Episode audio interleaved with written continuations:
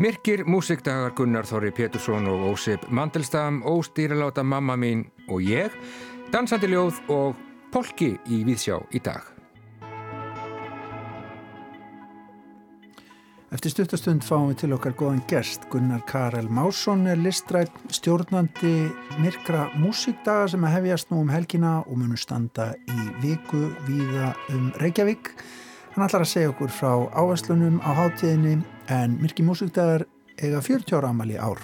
Hátíðin var fyrst haldinn árið 1980. Það verður haldið polkaball í yðnó á morgun á getur hlustendur. Tilefnið er Bóndadagur.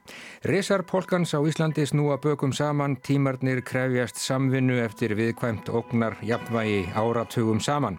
Polkasveitirnar, geirfuglarnir og skáran ekkert ætlað leika fyrir dansi í yðn og annað kvöld. Þetta eru hljómsveitir sem hafa lengi verið starfandi og spilað polka út dauða tónlist í takt við tíman.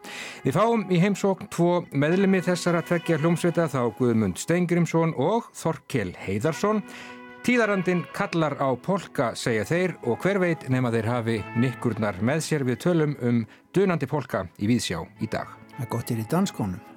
En Snæbjörn Brynjarsson, hann fjallar í dag um verkið Dansandi ljóð sem að sínt er í þjóðlikúskjallarannum um þessa myndir í leikstjórn Eddu Þóranistóttur en leikgerðina byggir hún á ljóðatekstum eftir gerði Kristníum. Í síningunni kemur fram leikópurinn Leikhúslistakonur 50 plus. Já, meira um það í dag og um, Gunnar Þóri Pétursson hann flytur þriðja pistilsinn í pislaröðinni Varsjá þar sem hann fer austur á bógin og um, horfir aftur í tíman. Yfirskrift pistilsins í dag er Dimm rattaður bógi og fjallar um rúsneska skáldið Ósip Mandelstam. Og síðan kemur Björn Þór Viljánsson, bókmyndagagrinandi og segir okkur frá lestur sínum á bókinni Óstýrláta mamma mín og ég eftir sæginni Kjartansdóttur Salgrenni. En í bókinni segir sægin frá sambandri sínu við móður sína Ástu Bjarnadóttur og æfintýralegu lífslaupi hennar. Já, svona verður þetta hjá okkur í dag en eh, við byrjum á myrkum músikdögum. Myrkir músikdagar tónlistarháttíð Tónskaldafélags Íslands eins og tónlistarunendur þekkja auðvitað. Þeirra hefjast á lögadaginn 40 ára ammali háttíðarna núna, hún er stopnud fyrst árið 1980. Hingað kominn Gunnar Karel Másson sem er listrætt stjórnandi háttíðarinnar til ham ekki með ammalið. Takk fyrir það. Er ekki bara svona sláttur á Tónskaldafélaginu í tilbygna ammalisins? Jú, menn eru mjög ánaðir og menn og konur og sálsögur. Þetta er, þetta er um, ég veit ekki hvort þeir hafi ímyndað sér þetta þegar þeir stopnaði hátíðina 1980 og var ennþá myndi lifa þetta á já, já. fleiri en eina kreppu og ég veit ekki hvað hvað sko. þannig að þetta er er mjög, það er líka gaman að sjá hvernig hún hefur breyst og þróast gegn tíðina, ég hef aðeins verið að grúska í fyrir hátíðum til að sjá svona hverju hverju tendensendnir hafi verið gegnum, gegnum tíðina mm -hmm. og það er svolítið skemmtilegt sko 25. januar 1980 þá var 15. strengi kvartett Sjóstakovits fluttur fyrsta skipta á Íslandi Já. og líklega eitt af fyrsta skiptunum sko fyrir utan Sovjetríkin og hann verður aftur fluttur á, á Myrkumúsindum 25. januar 2020 Já. Það er strengi kvartettin Siggi sem verður þar og, og nýr kvartett eftir alla heimi frumflutningur um, alla heimir skildi eftir sig mikið magna af óutkeppnu efni og margt af því hefur ekki verið flutt og uh, hollvinnafélag alla heimis sem að halda utanum í raunuru uh, allt þetta sapna af, af óutgefni efni við, við fengum aðgang á því uh, reyndar í aðdraganda ammales hans líka sko fyrir nokkrum árum síðan ja. áður hann lest þannig komst það til leiðar að, að strókkvartunir sikki kæmist yfir nótur sem var ekki búið að flytja eftir hann ja. af strengi kvartunum 5 ja. og ég held með þess að það sé enn einn í viðbót sko sem hefur ekki verið fluttur Það er ímislegt í skúfunni Það er ímislegt þarna í skúfunni Já. Sko þetta er bara einir tónleikar þannig að strókkvartetin Siggi það er eh, bara hvernig er annars svona tónleika haldin að hátta þeir eru daldum við völl í, í borginni, ekki satt? Jú, við uh, höfum gert það síðan í fyrra eða hitti fyrra við fórum svona smátt og smátt uh, við höfum, sko, hátiðin hafi verið uh, algjörlega inn í hörpunni mhm. frá að harpan opnaði en við ákvaðum sérst fyrir tveimur án síðan að, að aðeins að fara út á við og, og fara aftur í rætunar og þá hefum við í ljósa þess að við verðum að fara að eiga ammali mm -hmm. uh, og þá e, dreifu við hátíðinu bæði me, me, mestmægnis í miðbænum og mismunandi stöðum en förum líka upp í Breiðholt í Breiðholtskirkju, eina tónleika sem að það, verk, gera það verkum að, að verkin og, og tónleikandir það er þetta svona uh, þannig að sér hanna hvert stað fyrir hverja tónleika. Eins og harpan er, er frábær fyrir það sem hún er brúkuð í en, en það er það er allt svolítið eins þar inni mm -hmm. Eða, veist, það er frábæra aðstæður allt það og hljómburðinu aðeinslur og allt það fram eftir göttunum mm en ef maður vil gera eitthvað sem er um, eitthvað á skjön eða eitthvað sem að, maður vil kannski meira intimate, vera ja. nær áhöröndunum, mm -hmm. þá þarf maður að fara á aðra staði. Já, nýta rýmið öðruvísi svona. Já, akkurat. Já. Eh, tónlistarhópar og, og hljóðfæra leikarar, getur nefnt okkur eitthvað af þeim listamönnum sem koma að það? Við náum alltaf kannski ekki alveg út um það. Já, það er til, til að nefna sko nokkra, þá meðal hans umbra hópurinn sem er barokkhópur. Já er að flytja verk eftir Kristínu Þóra Haralds, Blóðhópnir, núna sunnundaginn. Dægin eftir verður uh, Marko, uh, nei, tveim dögum setna verður Marko Fúsi með, með annað barkljóðfæri í Yðnó, hann er að spila á Víóladöga Mór á samt rafhljóð, rafhljóðum og það er bara íslensk tónskald af þeim tónlengum. En svo höfum við líka uh, Kamersveitina og Kaput og Sinfo og sjálfsögðu mm -hmm. sem hafa verið svona hvað maður segja, ryggjarstykkið í, í hátíðinni frá uppafi mm -hmm. og en svo höfum við líka nýri þessu hlökk og ekki minna dúó sem svona yngri kynnslóðflýtinda sem er að koma fram á hátíðinni mm -hmm.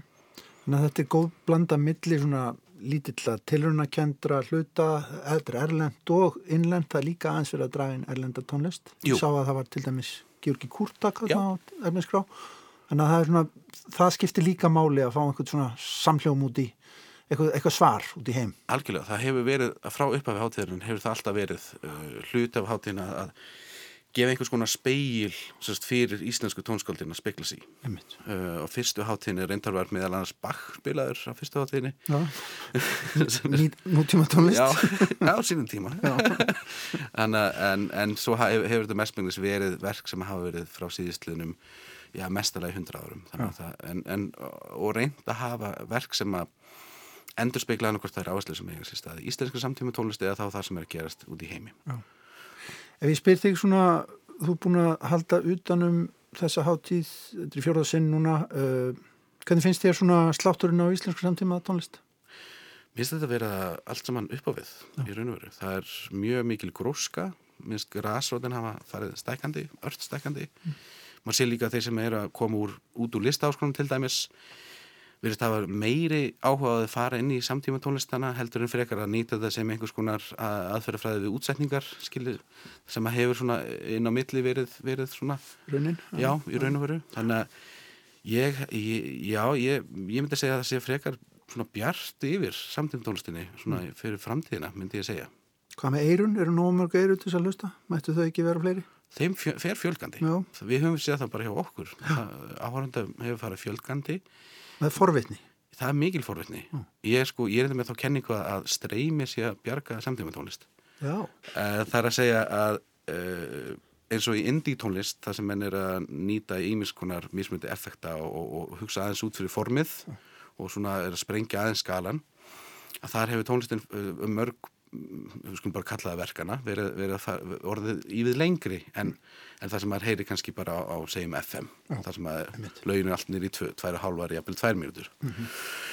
samtíma tónlistin hefur verið svolítið að fá svona afleiður af þessu, þessari þróun hjá indie tónlistin, þess að þú kíkjur samtíma tónlist þá er mestbegnis uh, verkin uh, styrstu verkin eru kannski sjö mínútur. Já. þannig að það er strax komin svona ákveðin þröskuldur fyrir áheyrandan að setja sig í það stellingar að hlusta í svo langan tíma á eitthvað eitt mm -hmm. verk. Mm -hmm. En málið með streymi er að það hefur opnað fyrir að geta gert plötur og, og lög sem eru lengri sem er ekki háð takmörkunum vínils eða gisladisks. Mm -hmm. Það er nægt að plötur geta verið tveir klukkutímar eða fjórir og samt verið einn heilst, heilstað heild. Ekki það að vínillin eða gisladiskunum sé Það er ekkert að fara. Nei, nei, ég held ekki en, en, en mér, finnst, mér finnst þetta mjög áhugaverð þróun. Ég hef svona síðan að streymi kom til það hefur maður séð þessa þróun að, að indie tónlistin hefur verið að þróast yfir að vera lengri lög og leik, meiri lagabálkar mm -hmm. og áhrif úr samtífum tónlist það hefur verið að heyrast meira og meira þar og líka hin, hinleðina. Mm. Þannig að maður hefur alveg verið að sjá indie tónlistumenn verið að fara yfir samtífum tónlistinu og að hafa áhrif þar líka. Þannig að þetta er, þetta er reyndar eitthvað sem hefur alveg verið að gerast lengur. Ef við tökum eitt dæmi Gavin Bryars sem að mun eiga verka hátíðinni hann er gott dæmi um, um einhvern af eldri kynslu sem hefur ymmit farið þessa, þessa slóð. Það voru svona heilir geisladiskar eitt trakk bara Akkurat, já, Þannig, og, og er sjálfur kemur út jazzinum og fer yfir í samtífum tónlistinu og aftur tilbaka og svo framvegs þannig að þetta er ekkit eitthvað algjörlega nýtt en ég held að mörguleiti sé streymið að, að hjálpa til mm -hmm. við að fólk hlusti meira á samtífum tónlist. En sko, fólk þarf ekki að það er um að gera bara að vera láta sér fljóta í svona hátíð. Menn að maður þarf ekki að þekka allt eða kunna allt eitthvað vola mikið inn á þetta. Maður bara kannar. Það er, það er bara lendur til þess að kanna. Algjörlega, það er eina leiðin. Að bara leifa sér að svona, láta þessu koma sér á óvart manni má leiðast, manni má finnast eitthvað ömulegt mm -hmm. en, en ég mæli hend með því að tekka á því það er, í gegnum það, þá lærir maður líka eitthvað, eitthvað glæni, þá veit maður alltaf hvað maður vil ekki hlusta á Einmitt. en ég get fullvis allir að þau muni finna eitthvað sem þeim finnst svona Spennandi. Já, mm. og áhugavert í það minnsta. Akkurat. Þeir eru líka með dagskraf fyrir börn sem að heitir því hressandi nafni Myrkra börn. Já, Myrkra börn eða Murky Kids á ennsku. Þetta er, já, það má eiginlega segja að þetta er einhver leiti mitt hugarfóstur að, að svona, um, gera einhvers konar hlýðar hátíð uh, sem að, hlýðar dagskraf sem að er uh, svona ætluð börnum. Og samt hefur vísanir í nafnið á hátíðin en vísanir líka í sjálfa tónlistina. Uh, við, að núna í ár þá eru þrennir viðbröður þessum eftirmiddegi þar sem við munum sjá verkflutt af börnum, fyrir börn og eftir börn. Hvernig er þetta? Þetta er fyrsta februar, lögutin fyrsta februar frá 2 til 5 það eru tónleika 2, 3 og 4 þannig að þetta, er svona góður eftirmiddagur Já. og það er uh, ókipið sinn, þannig að það þarf, fólk þarf ekki að Uh, borga, eða sérst, ég held að þú þurfu ekki að fá miði uh, fyrirfram, getur bara mætt og, og komið að hlýta á uh. Stúlungur Reykjavíkur mun flytja hana verk eftir bæði eldri kynslu og yngri kynslu á tónskóldum Tina Þorsteins mun fara yfir sögu Dótapíjónsins meðal annars -huh. Og Hallveig Rúnars mun syngja lög fyrir sem hafa verið svona ætlið börnum. Mm. þannig að þetta er alveg já, við erum nokkuð ánað með hvernig lendingin er orðið með þessa dagskrá. En sem sagt, heil vika af samtíma tónlist, bara alls konar tónlist í rauninni, frá lögadegi til lögadags. Já. Og myrkir.is er rétti staðurinn til að kynna þessi dagskrána. Akkurat. Er, hætta, er passið eitthvað slíkt? Nei, það er engin passi í ár, Nei. en það er hægt að fá afslátt ef maður kaupir þrenna tónleika eða meira, þá er 20% afslátt inn á tix.is og það poppar upp strax og þú byrjar að kaupa miða, þá er spurt hvort þú vilir nýta þér það að fara á fleiri en ein, eina tónleika. Góðu bakki. Já, mjög svo. Takk kærlega fyrir komuna Gunnar Karel Másson. Takk fyrir mig. Og því er við þetta bæta að við hér á ráseitt munum taka upp fjölmarka af tónleikunum sem að framfara á myrkum músikdöfum sem að hefjast um helgina en leika síðan eftir að hátíðinni líkur hér í Dagskrá Rásareitt. En þá vikur sögunni að merkir er í bók sem að koma út á síðasta ári. Hún heitir Óstýraláta mamma mín og ég og er eftir sálgreinin Sæjunni Kjartansdóttur. En í bókinni segir Sæjun frá sambandi sínu við móður sína Ástu Bjarnadóttur og æfintýrilegu lífslaupi hennar Björn Þór Viljámsson hann er búinn að lesa. Ég held að sé ekki ofsögumsagt að Sæjun Kjartansdóttir sé fremsti sálgreinandi þjóðarinnar. Hún hefur starfað sem sálgreinir um ára bil og reytað víða og mikið um efnið, þar og meðal bækurnar. Hvað gengur fólki til, leit sálgreiningar að skilningi frá árinu 1999 og árein sem engin mann áhrif frum benskunar á börn og fullorna sem útkom árið 2009. Nýjasta rittverk sæjunar er þó frábrugðið því sem hún hefur áður sendt frá sér. Það nefnist Óstýriláta móður mín og ég. Og hér erum að ræða personulega og að mörguleiti sásökafulla sögu. Upphafstaður frásagnarinnar og aflvaki er jafnframt endastöð móður sæjunar, Ástu Bjarnadóttur. En fyrir 12 árum þá hálf nýræð tók hún þá ákverðun að deyja og gera það með því að svelta sig í hel sem hún og gerir, ferðlega sem tekur 45 daga. Skiljanlega var þessi ákverðun og gjörningurinn sjálfur áfall fyrir börn ástu og aðra sem henni voru nákomnir. Og ef móðir sæjunar hefði ekki kvart með svona dramatískum hætti, ef það er þá rétt orðið, er til efs að bókin sem hér er til umræðu hefði verið skrifið. Skrifin eru höfundunum í senn tækifæri til úrvinnslu á erfiðri reynslu og tilraun til að öðlast þekkingu og dýpri skilning á móður sinni og þannig sjálfur sér og sinni fortíð. Og það verður að segjast eins og er að ásta er stórmerkilegt viðfangsefni. Svo afskaplega áhugaverð er hún og lífslöpið allt. Sæjum dregur jafnframt fram með miklum ágætum hvernig móðir hennar skar sig alla tíð úr fjöldanum og tekst að fjalla um hvortvekja, galla hennar og kosti sem rauður þetta langt frá því að vera sjálfsagt þau um jafn náinn tengsler að ræða og maðugna sambandið. Raunar er bersinilegt að mentun sæjunar í sálgreiningu og það sem mætti kalla sálgreinandi hugsun leggja bókinni til grundvallar. En til umfjöllunar er tekið eitt af mikilvægasta og flóknasta viðfangsefni sem til er, eða svo segja fræði sálgreiningarinnar, en það er móðurinn og sambandbarsins við hana. Þó er mikilvægt að halda til haga, líkt og sæjun gerir í ingangsorðunum, að hún er ekki að sálgreina móður sína enda fer slíkt fram undir ákveðnum klíniskum aðstæðum og hverfisnum samtal sálgreinis og skjólstæðings. Því má bæta við að það sem áttir við með sálgreinandi hugsun er ákveðin skilningur á upplægi og innra lífi mannskunar sem tekur með í reikningin að bókstaflega aldrei er hægt að komast til boss í hugverunni og útskýra með einföldum hætti. Svo ótal margt mótar persónugerðina sem einstaklingar þurfa ekki sjálfur einu sem hefur meðvitaðir um en þar spila bernska og samfélagslegar aðstæður mikilvægt en margflókið hlutverk. Margflókið vegna þess að allir upplifa samspil þessar að tvekja þátt með sérstökum og einstaklingsbundnum hætti. Blæbreyðaríkur mannskilningur sálgræningarinnar er líka til sínis í þeirri mynd sem sæjun drefur upp af móður sinni, en kjarnast jáfnframt í lýsingarorðinu í titlinum. Ásta var óstýrilát. Hún neytaði að lúta stjórnandi fyrirmælum og spurði stöðugt augrandi spurninga, eins og sagtur um hana á einum stað, og augrandi spurningunum og uppreysninni gegn regluvirkinu fylgdi óhjákvæmlega augrandi hegðun. Nýflutt til Reykjavíkur árið 1939, þá 17 ára gömul, uppgötar ásta að hún er ólétt. Fadurinn er leikvimskennara glidra á Húsavík sem að öðru leiti kemur varðla við sögu í bókinni. En á Húsavík höfðu fóreldrar ástu staðið í atvinnurekstri um langt skeið. Mikil skömm þótti fylgja lausalegs króum á þessum tíma, skömm sem jafnan endaði alfarið í fanginu á konunni, enda þótt hún hafi ekki búið barnin til einn, En eins og átt eftir að sína sig ítrekkað á komandi árum og áratugum þá hristir ásta af sér eftir köst ákvarðana og atburða sem raskaði hefðu lífs áallinum meiri meðal skussa og kæri sig að lokum kollóta um þungbúið og dæmandi augnaráð annars fólks. Þegar barni kemur í heiminn er það sendt til Húsavíkur, til Öm og Afa og ásta tekur upp þráðin í Reykjavíkur tilvist sinni. Og hvað gerist? Ísland er hernumið og 30.000 breska sjentilmenn rekur þannig á strendur íslenskra kvenna. Ástu til fölskvælausar gleði. Hún var með öðrum orðum í ástandinu. Raunar á bólakafi. En ólíkt flestum konum, öðrum, skammaðist hún sín aldrei fyrir það. Löngu síðar, í viðtali vegna fyrirhugaðs sjóanstáttarum efnið, lýsur hún þessum árum sem skemmtilegast að skeiði æfisinnar. Hún heldur við herfóringja, er sótt til Reykjavíkur, kerir til Keflavíkur til að tjúta á lögadaskvöldi og spila svo Brits allan sunnudaginn. Allt er fyrir hana gert og lífið er dásamlegt. Hún er auðvitað álitinn drusla og föðlandsveikari af öllum nema hinnum konunum í ástandinu en Ásta ber höfuðið hátt og hafnar því alfarið að góðborgararnir hafi umboð til að dæma sig.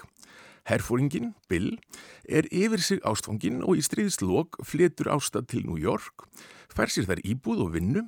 Einu hængurinn er að Bill er þegar giftur og katholskur í þokkabót en sambandið heldur áfram. Víða stiðist sæjun við bref sem hafa varðveist og á New York tímanbillinu stillur hún meðal annars saman brefaskriftum ástu við móðu sína heima í Húsavík sem áhyggjur hefur á dóttu sinni en er annars stiðjandi og kærleiksrík og brefum Bill frá Þískalandi þanga sem hann hefur verið sendur sem aðal saksóknarinn í málum sem tengjast ákjærum fyrir stríðskleipi í útrýmingabúðanum í Dachá. Ásta og við með henni lesum þannig á viksl brefin frá Húsavík, plássi langt út úr allri alfara leið heimsögulegra atbyrða og brefin frá Bill þar sem dagsverkið var að fá SS-menn hengta. Helfurinn og Húsavík, þessi áreikstur ósamræmanlegra heimsmynda er dæmi gerður fyrir lífslöp ástu og það sem kemur á óvart við lesturinn er hversu margt, óvenjumart, sérstakt og sögulegt gerist í lífennar. Það gustar alltaf um hana. Jafnvel þegar hún er hvað normatífust og hittur og giftist rólindum herramanni, föður höfundar og stopna til fjölskyldu. En það reynist skamgóður vermir, maðurinn hennar fellur frá, langt um aldur fram og Ásta leitar á náður bakkusar. Áfengi síkin sem heldekur hana í kjölfarið er um margt skjálfileg en um leiði líka söguleg því enn á ný tekst Ástu að yfir trompa eldra nexli með nýjum og enn litríkari skandal og óhæfu. Að þessu sinni með því að flytja á samirkjubú í Ísrael, alls laus og án batnana sinna. Að lokum snýr hún aftur en þá og án útskýringa með þeldökkan og myndalegan Araba upp á armin, hann Fæsal, sem reynist gæða blóð en kannski heldur þjóvóttur. Vel er hægt að ímynda sér hvað húsmaðirnar í lauganisinu um miðjan sjönda áratíðin höfðum það segja, svona sín á milli, að fjögrabarna móðir á miðjum aldri hafi tekið upp með ungum Araba, en aftur ástu stóð á sama. Lesandi fær á tilfinninguna að áfengisíki ástu sé fyrst og fremst sjúkdómsenginni, frekar en sjúkdómur. Drykjan verður enn önnu leið fyrir hana til að gera það sem henni sínist, storka þeim sem er í kringum hana og vera óstýrilát í þeirri merkingu að láta ekki að stjórn. Ferðaþráin, en ásta ferðast mikið einn, er sem leiðisbyrtingamind hennar innri personuleika, hún þólir ekki lognið, viðburðarsnöðan hverstægin og að fara frá einum stað til annars, eins og hatti fatti, er leið til að bregðast við þessum óróleika. Frið þægja um stundarsakir, um róti anda og geði, án þess að þurfa að takast á við rót erðaleysisins. En þannig múi segja að ástæð sé líka á valdi kvatana. Hún sækir handan veljiðuna lögmálsins um leið og hún er tortímandi afl. Það er til að mynda óstýriláta kynkvötin sem misbyður fólki í ástandinu. Hún reytir fólk til reyði, viljand og markvist og undir lokin gefur hún sig dauðakvötin á vald og neytar líkama sínum um næringu. Þegar ráðist er í endurminningar sem þessar, um jafn nána mannesku og móður manns óhjákvæmilega er, hættir fólki til að skorta fjarlægð á viðfangsefni sitt fara út í væmni, vera ásakandi, sitja sjálfan sig jafnvel í forgrunn og einblína á tilfinningarlegar upplifanir. Þetta á engan veginn við um þessa merkilugu nýju bók sæjunar. Óstýriláta mamma og ég er þaulhugsað verk, tekstinn hvort tveggja djúpur og skemmtilegur afleistrar og vinnan sem lögð hefur verið í rétununa og sköpununa skín í gegn. Sagði Björn Þór Viljámsson um bókina Óstýriláta, mamma mín og ég eftir sæjunni Kjartansdóttur. Þau hugsað verk, sagði Björn Þór. Já, en þá ætlum að færa okkur yfir í leikúsið Dansandi ljóð er heiti verk sem að sínt er í þjóðlíkuskjallarannum Það er þetta Þóranistóttir sem að leikstýrir verkinu en það er unnið upp úr ljóðum eftir gerði kristníu. Það eru leikonur úr leikópnum leikúslistakonur 50 plus sem að þarna stíga á stokk Snæpjur Brynjarsson tekur við. Þegar vorar riðjast brúðköpsgestir sem voru snjóaðir inni út með marsipan kökubita í munvíkunum. Nóttin er hestur án knapa, hamingjan herpist um hálsa og yfir æfina byggjum við okkur hús úr vonum og vanendum með að við minnumst ilmandi stjókkornana sem falla yfir æskuminningar úr Safamýrinni. Vetur, vor, landslag, sterkar tilfinningar og myndlingingar setja svipsin á dansandi ljóð, síningu sem Edda Þórarinsdóttir leggstyrir í þjóðlíkuskjallaranum og það er ekki við öðru á búast því hinn dönsuðu ljóð eru eftir gerðikristníu og það er því nóg á vonum, vonbriðum, hestum og köttum. Margret Kristín Sigurðardóttir er lagahöfundu síningarinnar en hún spilar á píjónum og sjó leikonur koma fram.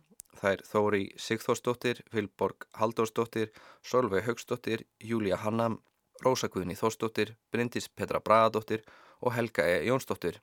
Og þá eru ekki einu svona allar konurnar í síningunni upptaldar en Helga Björnsdóttir hannaði búningana og Ingi Björg Björnsdóttir og Ástís Magnúsdóttir sömdu sviðsreyfingar.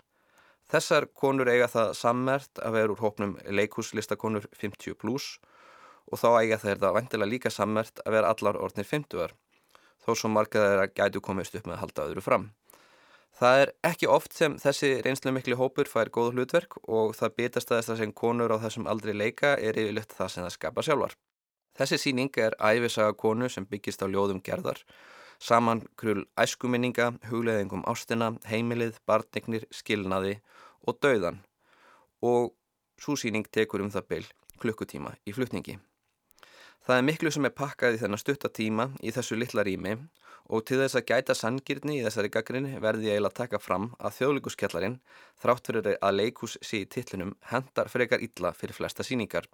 Súlutnar á miðju gólfinu skerða það rými sem listamannir hafa til að vinna með og í hefðbundunni síningu þá þýðir það að allt þarf að gerast innan mjög þraungs ramma. Rýmið hefur þó auðvitað sína kosti, það getur verið gaman að sjá nándina og ef maður hefur skemmtilegt sjónarhótt sem áhörandi er hægt að fylgjast með leikonunum í gegnum speglana á súlunum. En það er ekki spurning í mínum huga að verk með áttaflýtendur á sviði myndi njóta sín betur í öðru rýmin, til dæmis tjarnabíói en líka kassanum í næstu götu. Einn aðal styrklegi síningarinnar fælst í leikgleði flýtjandana sem kom á sviðið í kjólum og kímonóum sem vísa til hefðbundina íslenskra hvern þjóðbúninga. Þær eru líka með grímur sem það grípa til í svum atriðum sem er persónulega þótti þó pínu hallaríslegt. En þetta er síning sem leifir sér að vera hallarísleg og hefur húmor fyrir sjálfur sér. Dansandi ljóð er eins og titillin ber með sér ljóðaflutningur sem er brotin upp með dönsum. Ljóðin standa fyrir sínu, bæði harmþrungin og humorísk, en dansarnir eru ekki eins vel hefnaðir og annar flutningur. Það getur verið að hópurinn þurfa að æfa sviðsreyfingarna meira og þarna getur maður ekki annað en haft samúð með reyfihönnuðunum því það er erfitt að nýta þetta afmarkaða rými rétt með svona mikinn fjölda á sviðunum. Mögulega myndi það styrkja síninguna fækka flytjandunum en betra væri að gefa þeim stærra svið og lengra æfingatímabil. Farri og skýrari reyfingar myndu eflust líka bætaverkið talsvert. Solveig Högstóttir átti glæsilega innræðu þegar hún flutti ljóðið hljóðskraf en annars áttu flesta leikonurnar á sviðinu góða spretti og kannski mætti gera sum leikar en tilþrýf eilitið hóvarari. Það slípast eflust til á næstu síningum. Síningin er ekki gallalaus en hún er fjörug og skemmtileg með mikið af herstum, köttum, uppfulla leiklið og dramatík og ég mæli eindriði með henni fyrir aðdándur Gerðar Kristnýjar. Saði Snæbjörn Brynjarsson um síninguna Dansandi ljóð, einungis tvær síningar eftir í þjólkuskjallarunum á morgun og sunnudag. En þá leikur leið okkar í Östurveg, Eirikur. Já, á 50 dögum í janúar þá flytur Gunnar Þorri Pétursson, þýðandi og fræðumæður Pistla hér í Víðsjá sem hann kallar Varsjá. Ferðinni er heitið aftur og baki tíman og Östur á bógin og Pistil dagsins, hann nefnist Dimrattaður Bógi en hann fjallar um rúsneska skáldið Ósip Mandelstam sem var ansi gott skáld. Hvaða bókmyndir standa rúsum næst? Eru það skáldsögur Tolstóis, Bulgakovs, kannski leikri Tjekovs? Nei. Ljóð eru merkur og bein rúsneskrar bókmyndahöðar. Vandin er sá að ljóðlist á það til að glatast í þýðingu. Og hvað er þá til ráða?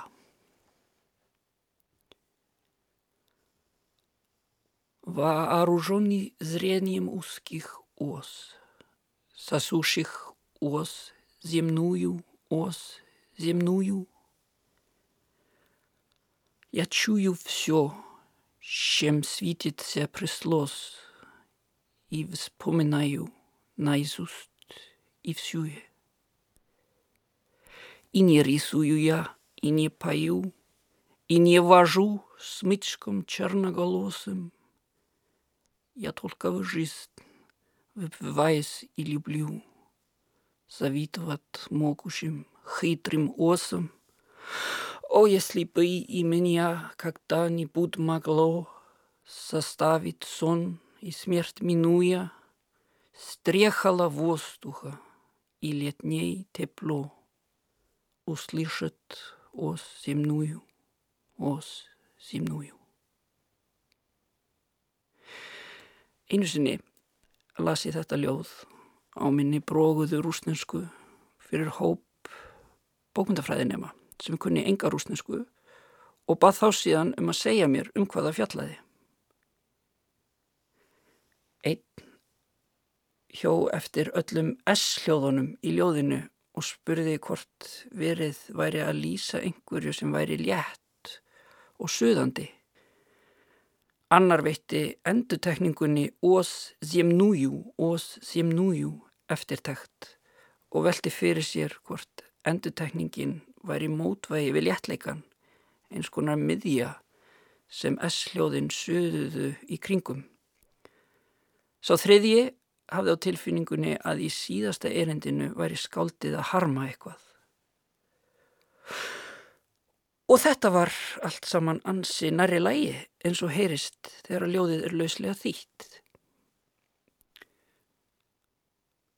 Vættur sjón úr kvössum vespum sem sjúa mönduljarðar, mönduljarðar, skinja ég allt sem gerst hefur og greipist í minnið að óþörfu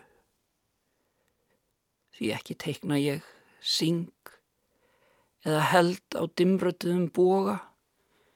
Ég stingst bara í lífið og uni því að öfunda mátt og kænsku vespna. Og ef ég aðeins gæti einhver tíman, sigrast á svefni og dauða, með brottstaf og lofti í sumar hitanum og hlustað á mönduljarðar mönduljarðar. Mér þykir vænt um að ég líki ljóðið um vespurnar, skrifar Nadjasta, eiginkona Mandelstams í brefi til sameilegs vinar þann 7. janúar árið 1938. Ósja bætir hún við, en Ósja er gælun upp fyrir Ósip, finnst líka að þetta sé með betri ljóðum sem hann hefur orrt. Á sínum tíma við okkur að orðum og vorum alltaf að grínast með ósip og ósa. Orð Nadjestu gefa okkur mikilvæga vísbendingu um ós hljóðminnið í ljóðinu um vespunnar. Það vísar í vespur, mönduljarðar og þimnújú, en einni í nafn skáldsins, ósip. Í L'Evolution Créatrice frá 1907 hafði Henri Bergson notað vespur til að sína fram á munin á viti og eðliskvöld. Vit er leið til að nálgast hlutin utanfrá, samkvæmt heimsbyggingnum franska, á meðan eðliskvöld kemur innanfrá.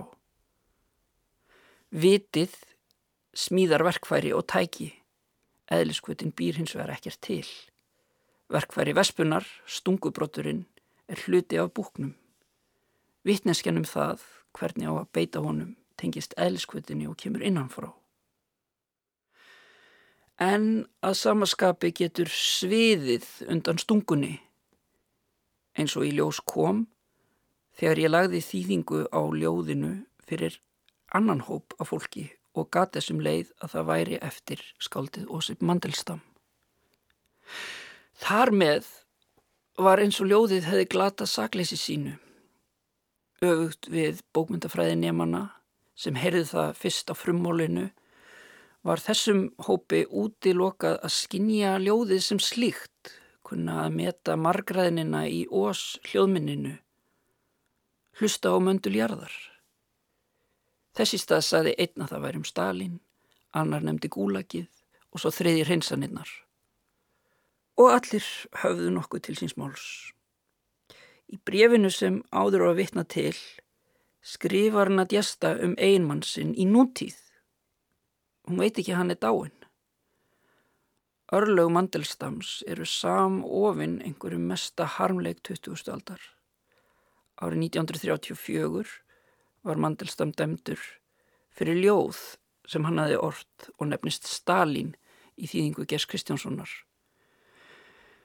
Þetta ljóð hefur með hlýstjórn af örlögum skáldsins verið kallað Dauðadómur í 16 ljóðlinum. Í kjálfarið fylgdi þryggja ára útlegð, skömmu eftir henni laug var Mandelstam handtekinn á nýjanleik og eftir það sáu ástvinnir hann aldrei framar.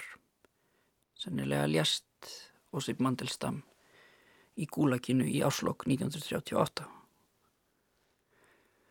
Ljóðið um vespurnar er hluti af ljóðum og spossíukroti sem Mandelstam gerði á meðan hann var að reyna að semja sína höfuð laust, óð til Stalins. Nadjesta lýsir aðrennum Mandelstams að lofkvæðinu í endurminningum sínum. Egin maður hennar var vanur að yrkja í huganum og með munninum. Það var sjálfnast fyrir en ljóðið var nánast fullbúið að hann festi það á blað. Í útleðinni fylgis Nadjasta aftur á móti undrandi með skáldinu setjast við skrifborð á hverjum morni, taka sér blað og penna í hönd og yrkja eins og hver annar Leonid Andreev eins og Nadjesta orðar þar nexluð. En harkan bætir hún við sem Mandelstam hugðist beita sjálfan sig, mætti þrjóskulegri mótspyrnu sem magnaðist upp innra með honum og gerði það verkum að þvingað lofkvæði um Stalin varð uppspretta fyrir efni við af allt öðrum toga. Alvöru ljóðlist sem var á skjön við lofkvæðið og gerði það í raun marklust.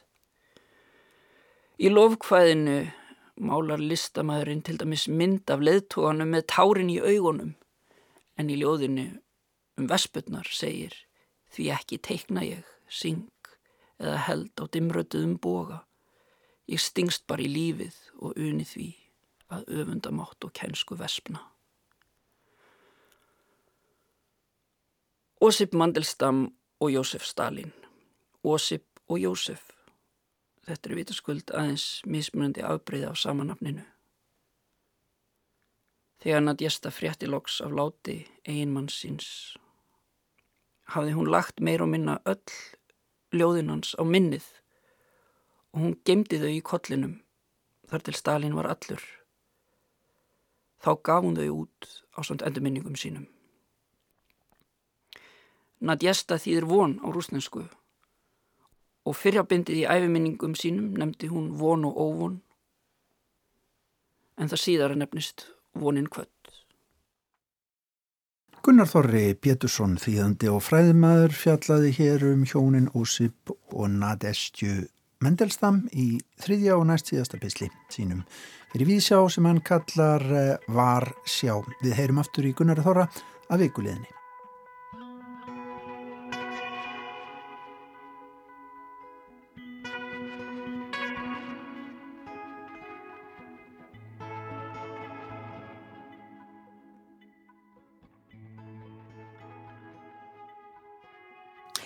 En þá ágetur hlustendur skiptum við algjörlega um gýr við förum á ball.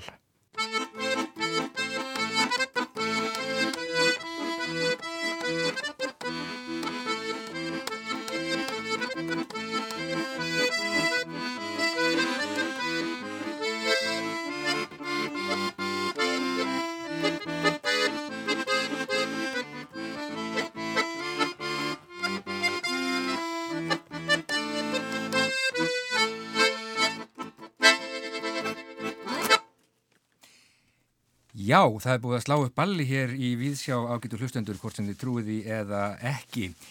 Ástæðan er einföld, uh, það er reyfing á borgarlífinu, djúb undiralda, risar polkans hafa snúið bökum saman. Það verður haldið balli í yðnó á morgun bóndadegi og uh, það eru polkasveitirnar tvær, Skáran Ekkert og Geirfuglarnir sem ætlað, já, mæta og spila og halda uppi uh, vonandi fjöri. Eh, þeir eru komnir hingað með nikkurnar sínar eh, Þorkjell Heiðarsson, Geirfugl og eh, Guðmundur Stengrimsson úr Skára en Enker. Hjartanlega velkomnir í Víðsjá Piltar. Já, hvað stendur til og hvers vegna? Þetta hefur leigið í loftinu en hugmyndin í sjálfu sér kveiknaði hjá okkur bara svona fyrir, í síðasta sömar vorum að tala um þetta, gerfuglarnir voru með ball á Ístfjörðum síðasta sumar, Skárin Ekkert er búin að vera með ball í Flatey á hverju ári í tíu ár Já. Við höfum ótt spilað í Flatey líka, gerfuglarnir þannig að þetta er svona þetta eins og Guðmundur segir, þetta lág í loftinu og, og hérna og við erum náttúrulega svona þetta hafði nú verið svona fjandvinabönd sko. Er það? Já, við viljum, já, við viljum meina það Já, við erum svona Það eru svona, svona, svona, svona, svona tvær stórar eh, einingar í polkalífinu. Já, þetta er eitthvað, þetta er eitthvað leikrið bara það ekki. Leikrið? Já, það er bara, í polkabransanum er gríðaleg samkjæmni. Það er er bara, hún er mjög svona, það er svo sem ekkert sko, já, ef við, Já, kannski, er jú, jú, kannski er þetta leikrið upp á vissu marki, en þetta er samt svona, vita á hvora öðru. Já, þið þykist vera að slíðra sverðin og Guðmundur, þú talar um, um leðtóafundin í höfða árið 1986. Já, þetta er svipa, svipaður atbyrður. Svipaðir stærðargráður. Það, það held ég líka eigum upp. Þeir eru, polkasveitir sem búin að spila í 20 ár og aldrei spila saman.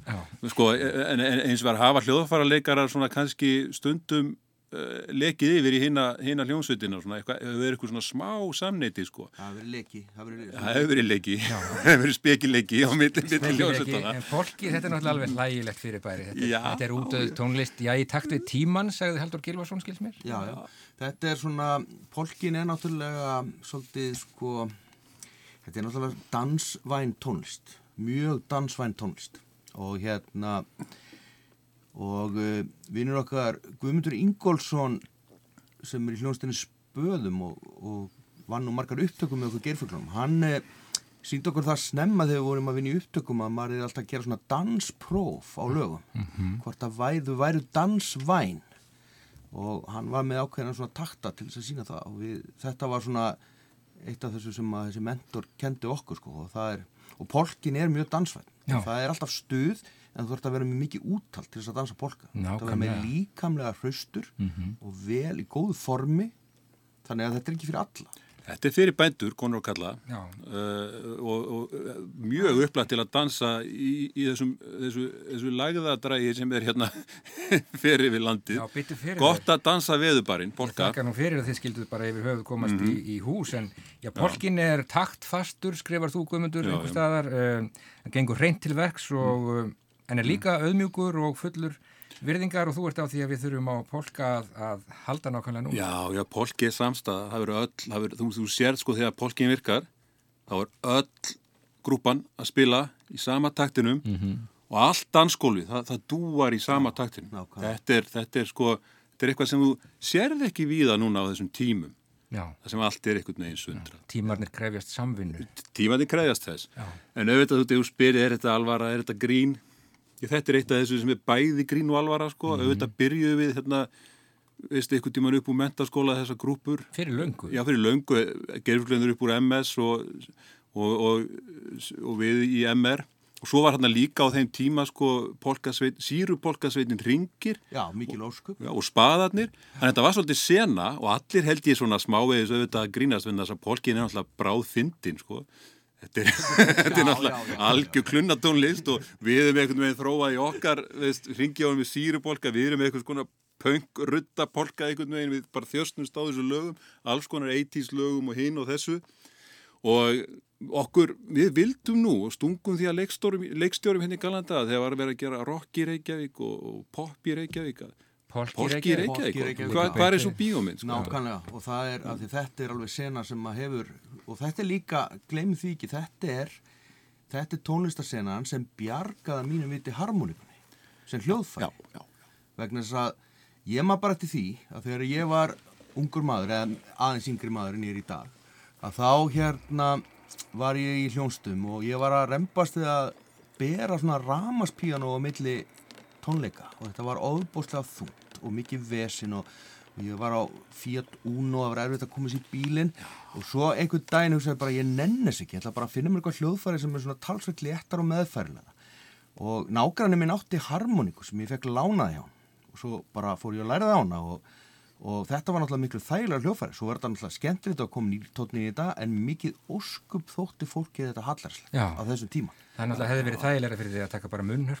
Já, já, það hefði verið Jú, þægilega jú, þetta Bubbi hefði gert hana svona- og já. Bob Dylan hefði gert hana Já, svona, já. svona Já, meira í, já. með, hún var meira í tísku. Já, en Guðmundur, þú segir þetta í rætur og rekja bara alveg aftur í mentaskóla og Þorkil, þú hefur talað um það að þetta, þessi svona stjætta munur á þessum hljómsveitum, það er annars vegar sko snopphænsnin úr, úr MR Já, já, við erum alþjóðumennur úr MS og svo eru það alþýðumenn úr MS í gerfuglum. Já, enda, þú veist, margir okkar koma úr útkverfum núverandi meiri sig og, og, og svona þáverandi, sko. Já, En eh, svo hafa nú slaðist á milli og Stefán Már sem er náttúrulega búin að vera í gerfuglunum frá því að við gerðum okkar fyrstu plötu, hann er náttúrulega emmeringur. Já, hann er þa- það er þessi leki sko. Þannig að var leki þetta á milli sko og við kannski vorum ekki alveg á vaktinni á þessu tímapunkti, Einmitt. gerfuglarnir. En eh, ég, Freyr og Haldur Gilvarsson, Freyr Eilsson og Haldur Gilvarsson, við vorum búin að vera að spila þrýr talsveitum ekki saman í svona, já, í, í svona smerri mannfögnum, veislum og ammælum og þar söng ég lag í falsettu og e, þá var ég með fallega falsetturödd en hún er nú aðeins svona dýfkað með aldrinum. já, Svo er hann baritón Já, ég er honum bara Nákvæmlega. Já, já, ég er harmonikuleikar, polkaspilari á Arnanesinu. Já. Þetta er náttúrulega, það er eitthvað klass þarna, þetta er eitthvað skrítið. Þetta er mjög skrítið Þetta gengur ekki. Við byrjum líka mjög kultúrelt, sko, skára en ekkert. Komandi úr þessum, þessum snoppskóla, eins og segir, ég skal gangast við því, sko. Gott. Ég gengst við því. Auðvitað, strákar úr Garðabænum og Seltjarnanesinu. Byrjum auðvitað að spila, sko, ítalska kvikmyndatónlist. Mhm. Eins, og við, eins og við töldum að að landsmenn myndu kunna meta, náttúrulega. Og það, það er náttúrulega sló í gegn í svona kannski svona svolítið flottum brúk, Þú brúkumsveislu. með kringlót gleru, er það ekki? Jú, ég hef með kring og gleru og klút. Og klút. Og klút, já, já, maður var svona að reyna. Við vorum í ullapeysun Já, já, þetta var allt í ullapeysun hann hinnum megin, sko. En, en sko, svo, og við slóum svolítið í gegn svona í, í móttökum og við, já, háskólarunum þá gáttuðu nú oft, fengið okkur alveg að borða fyrir helgina bara á snittubrauði, sko. Já, já, úr þessu há, hástéttar umhverfið þá vorum við alltaf, alltaf stöður blankir en, en harmonikan kom, kom sér vel og, og svona maður, maður, maður ól mannin bara á, á, á freyðivinni og snittum Já, bara í þrjú ár. Já, en þessar, þessar hljómsveitir það er náttúrulega að hafa spilað margt annað en polka því þetta er í raun og veru bara popsveitir eða ekki?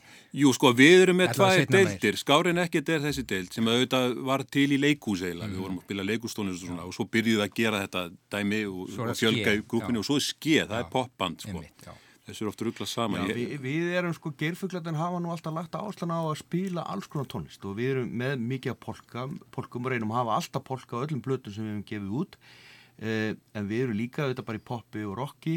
En síðan sko hlýðar sko afverðin okkar eru nokkrar og einu er að heitir nú geimfuglarnir sko, er með elektróniska tónlist og hérna er duett þannig að hérna en, en þetta er svona auðvitað ekki algjört pjúra polkaband en, en, eh, en eitt af fyrstu lögum lögunum sem ég og Freyr til dæmis söndu saman heitir ég mitt Alpa polki og var bara pjúra polki alveg í ætt við sko já eiginlega við Alpafjöllin. Já, nákvæmlega. Týról En svo, þó svo við teflum fram polkanum kannski sem megin enginni á ballinu en þess að hann er bara það sterkur og hann er svipsterkur sem, sem tónlist að þá spilum við þetta margt annað suðrennar sveiflur og, og, og gerfgræni fara meir út í ballöðuna sko en við erum til dæmis með sko I just called to say I love you Sem er ekki polki? Það er ekki polki, Nei. alls ekki en það er og við- auðvitað að breyta því Já, það er að breyta öllu í polka sko. Öllu? Já, öllu og við, við tök, tökum til dæmis Kiss í polka uh, Já, já, við tökum I just died in your arms tonight í polka það er, er augljóst Hvernig spilar það? Það er bara Þetta verður allt brjálað Veist, getur ímyndaðir sko. Öll, öll grúpan í polkatattunum sko Þarna slær saman, kynnslóðum sko Alveg, Nákvæmlega.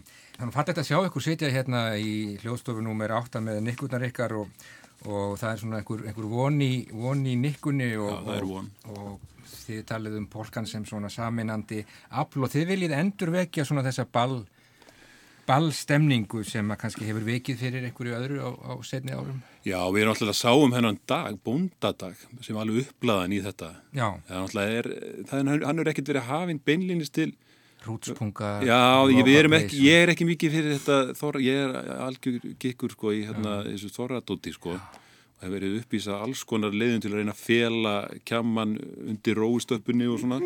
Veist, að þurfi ekki að borða þetta sko. Þannig að það verður ekkit svo leiðins þarna. Það verður bara, það verður bara tónlist og maður geta mætt bara á vaðstífilónum og gúmiskónum Já, já, og það er konur og kallar algjörlega. Einmitt, einmitt. Og, og þetta líka sko eins og við myndist á sko ballið.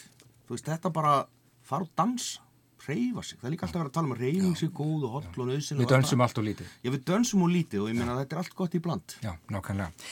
Uh, ég ætla nú að fara að hleypa ykkur út í hríðarkófið, Guðmundur hvort er skemmtilegra að spila polka eða sitja á þingi. spila polka, Já, já, já Þorkill, þú ert í hústýragarðinum, er það nú allar mikið að gera þar, eða hvað?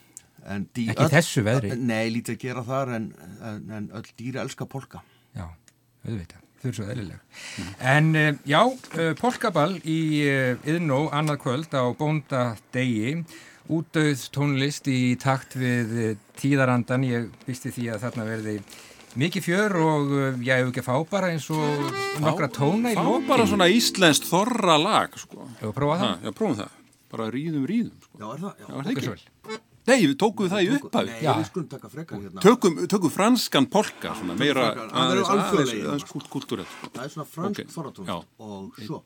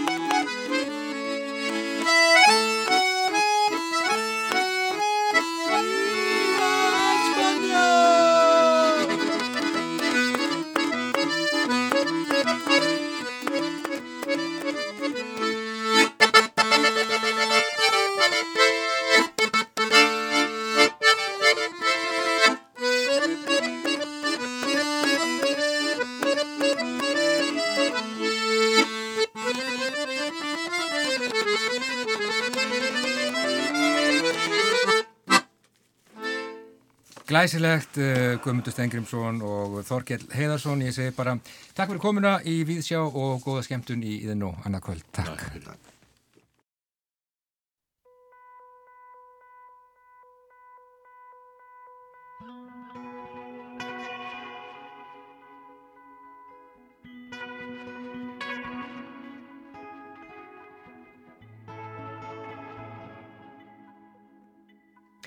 Og uh, nákvæmlega hér nefnum við staðar í Víðsjá í dag.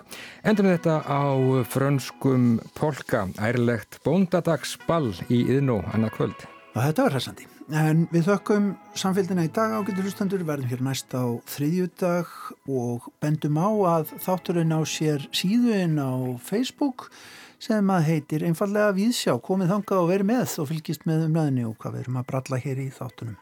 Við heyrust aftur eftir helgi reyndar er úrval hjá okkur á sunnudag klukkan 2 Já, verið sæl. Þökkum samveldin í dag, verið sæl